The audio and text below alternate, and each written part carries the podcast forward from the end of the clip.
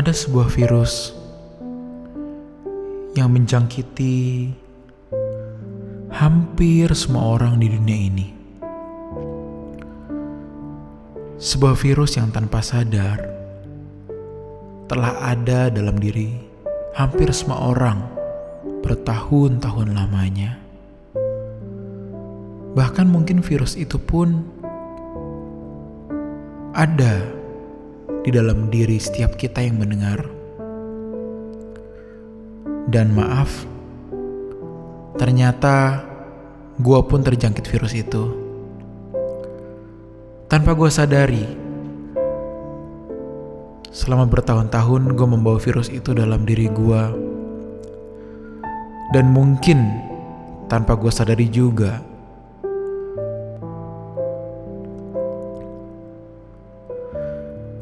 Mungkin banyak orang tidak menyadari kalau dirinya terjangkit virus ini.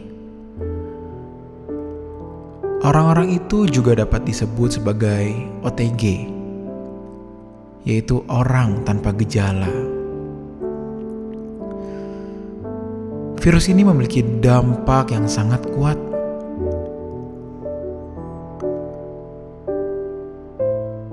Virus ini dinamakan dengan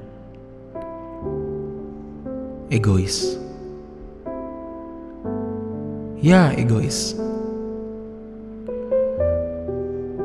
Yang membuat kita hanya memikirkan diri kita sendiri.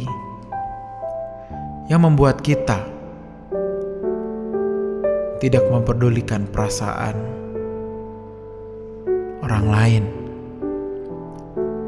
Yang membuat kita tidak mempertimbangkan perasaan Tuhan. Sebuah virus yang tadi saya katakan memiliki dampak yang besar karena semakin kuat virus ini tertanam, semakin lama virus ini tertanam dalam diri seseorang, maka efek virus ini kan semakin kuat dan semakin sulit untuk disembuhkan.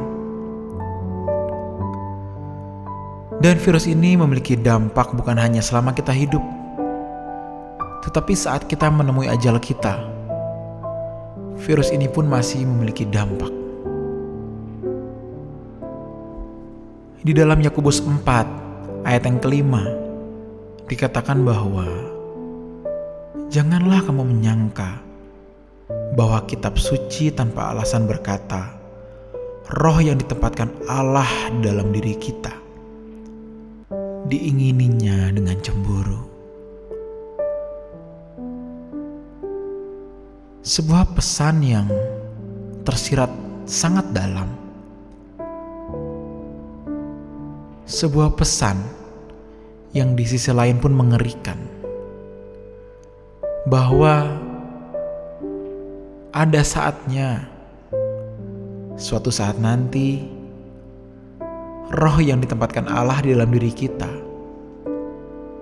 tidak akan kembali kepada Sang Penciptanya. Roh yang ditempatkan Allah dalam diri kita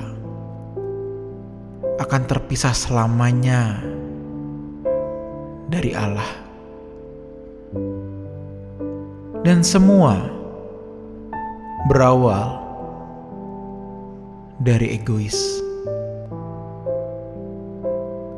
Orang yang egois hanya memikirkan kesenangannya sendiri. Ia lupa bahwa ia diciptakan untuk mengabdi kepada Bapa. Dia lupa bahwa dia diciptakan untuk sebuah rencana yang sangat besar, untuk sebuah perjalanan yang hebat. Tetapi keindahan dunia membuat kita lupa bahwa ada satu pribadi yang telah mati bagi kita semua.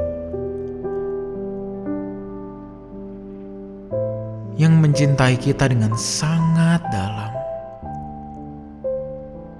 keindahan dunia membuat kita semakin egois kepada pribadi ini. Keindahan dunia membuat kita tidak memperdulikan perasaan pribadi ini. Tetapi virus ini dapat disembuhkan dengan satu catatan. Kita mulai memikirkan perasaan Tuhan. Kita mulai mencari kehendaknya dan kita hanya melakukan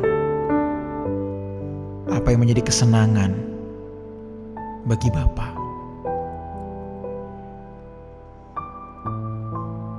Cinta Tuhan yang dibuktikan dengan kematiannya di kayu salib untuk menebus kita semua. Bukan hanya untuk dua jam kita di gereja, bukan hanya juga untuk kolom agama di KTP kita yang tertulis Kristen. Tetapi untuk seluruh hidup kita, dari kita mulai bernafas sampai kita menghembuskan nafas kita yang terakhir. Cinta Tuhan kepada kita bukan hanya terletak di kematiannya, tetapi juga di dalam kesabarannya yang begitu panjang untuk menuntun kita untuk menjadi serupa seperti Dia. Penerimaannya terhadap keras kepala kita, kebesaran hatinya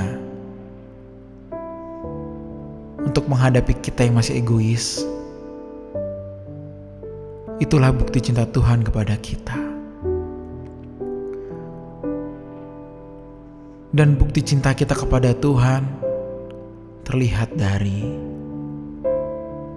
saat kita mulai memikirkan perasaan Dia saja.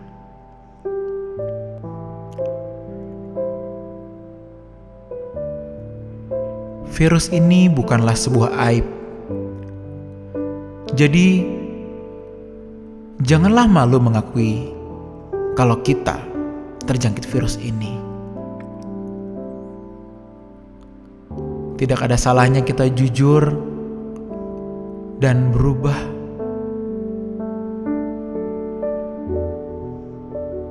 Suatu saat nanti, kita tidak akan pernah menyesal kalau dari hari ini, dari detik ini, kita mau berubah.